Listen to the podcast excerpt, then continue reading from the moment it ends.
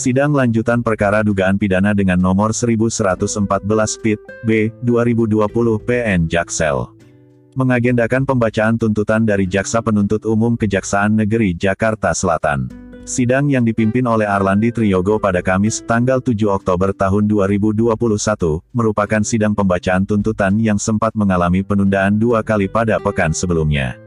Di sela sidang saat jaksa membacakan uraian fakta sidang berdasarkan keterangan saksi dan alat bukti, istri terdakwa menginterupsi jalannya sidang dan berteriak memprotes isi tuntutan jaksa yang dinilainya telah merugikan sang suami terkait pasal yang dikenakan oleh jaksa dalam perkara jual beli alat berat ekskavator tersebut.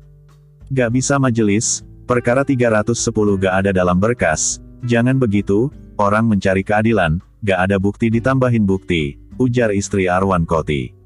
Sementara terdakwa juga menyela pembacaan jaksa dengan mengatakan, cerita itu tidak ada dalam berkas, mengarang sendiri, beda dengan fakta persidangan, protes Arwan Koti.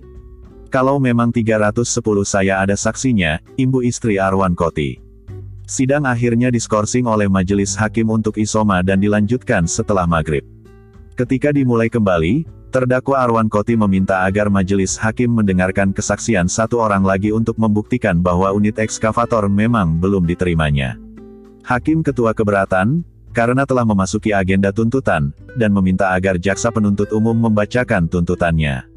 Jaksa dalam pembacaan tuntutannya menyimpulkan bahwa terdakwa Arwan Koti telah terbukti bersalah melanggar pasal 317 KUHP terkait laporan palsu sesuai dakwaan alternatif kedua, dan menuntut agar majelis hakim menjatuhkan hukuman satu tahun kepada Arwan Koti. Sebelum kami sampai pada tuntutan pidana, atas diri terdakwa, perkenankanlah kami kemukakan hal-hal yang kami jadikan pertimbangan dalam pidana, yaitu hal-hal yang meringankan, terdakwa belum pernah dihukum. Dua, terdakwa bersikap sopan di persidangan. Hal-hal yang memberatkan, terdakwa berbelit-belit dalam memberikan keterangan sehingga mempersulit jalannya persidangan. Dua, perbuatan terdakwa telah merugikan nama baik PT Indotra Utama dan saksi Bambang Priyono Susanto Putra. Berdasarkan uraian dimaksud kami jaksa penuntut umum dalam perkara ini dengan memperhatikan ketentuan undang-undang, khususnya ketentuan pasal 317 ayat 1 KUH pidana Undang-Undang Nomor 8 Tahun 1981 tentang KUHP serta peraturan perundang-undangan lainnya yang bersangkutan. Menuntut supaya ketua dan majelis hakim pada pengadilan negeri Jakarta Selatan yang memeriksa dan mengadili perkara ini memutuskan satu menyatakan bahwa terdakwa Arwan Koto terbukti secara sadar meyakinkan bersalah melakukan tindak pidana pengaduan fitnah sebagaimana diatur dan diancam pidana dalam pasal 317 ayat 1 KUH pidana sesuai dakwaan alternatif kedua dari penuntut umum. Dua, menjatuhkan pidana terhadap terdakwa Rangkoti dengan pidana penjara selama satu tahun.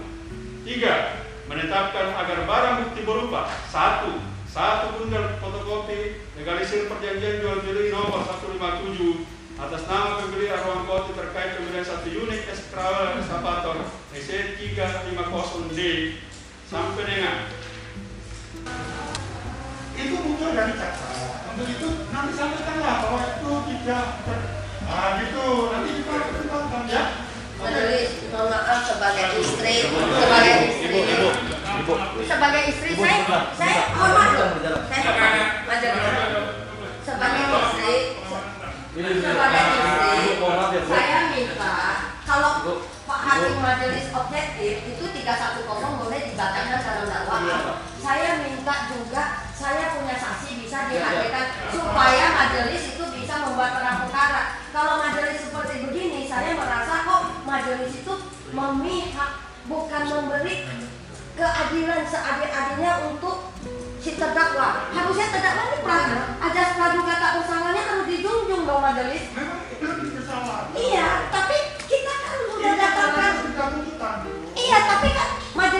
dalam dalam berkas saja majelis boleh kasih izinkan. Masa majelis saya Enggak dalam persidangan majelis sudah bilang 310 di luar berkas. Enggak ada pertimbangan. saya dari pra peradilan aja sudah kalah, sudah di ini ketuanya. Majelis saya minta tolong dihadirkan. Masa masa majelis begitu? Saya saya nggak mer- meribut loh. Saya Ibu dengarkan dulu. sidang masih berjalan, Bu. Pada saya majelis tolong ini banyak orang yang meliput majelis. Aku cuma minta dihadirkan supaya bikin terang. Itu kan nggak nggak ada ini majelis. Kenapa takut? Majelis akankah takut kalau ini diberikan kesempatan akan membuka tabir ini? Bukan, itu ini sudah tuntutan. Tuntutan justru karena tuntutan majelis. Kita kembali ke acaranya. Enggak, ini kan majelis kan sebagai wasit nih. Kita bukan Ibu tenang, ibu, ibu, ibu, Majelis kan ibu, sebagai ibu, wasit nih. Wasit masa wasit itu yang fair dong wasit. Majelis, mohon maaf majelis. ya tanggal 18. Ya majelis. Atas tuntutan yang diajukan, tim penasehat hukum terdakwa Aristoteles dan kawan-kawan menilai tuntutan yang diajukan ngawur sekali, karena hanya dikorting 4 bulan dari ancaman hukuman maksimalnya.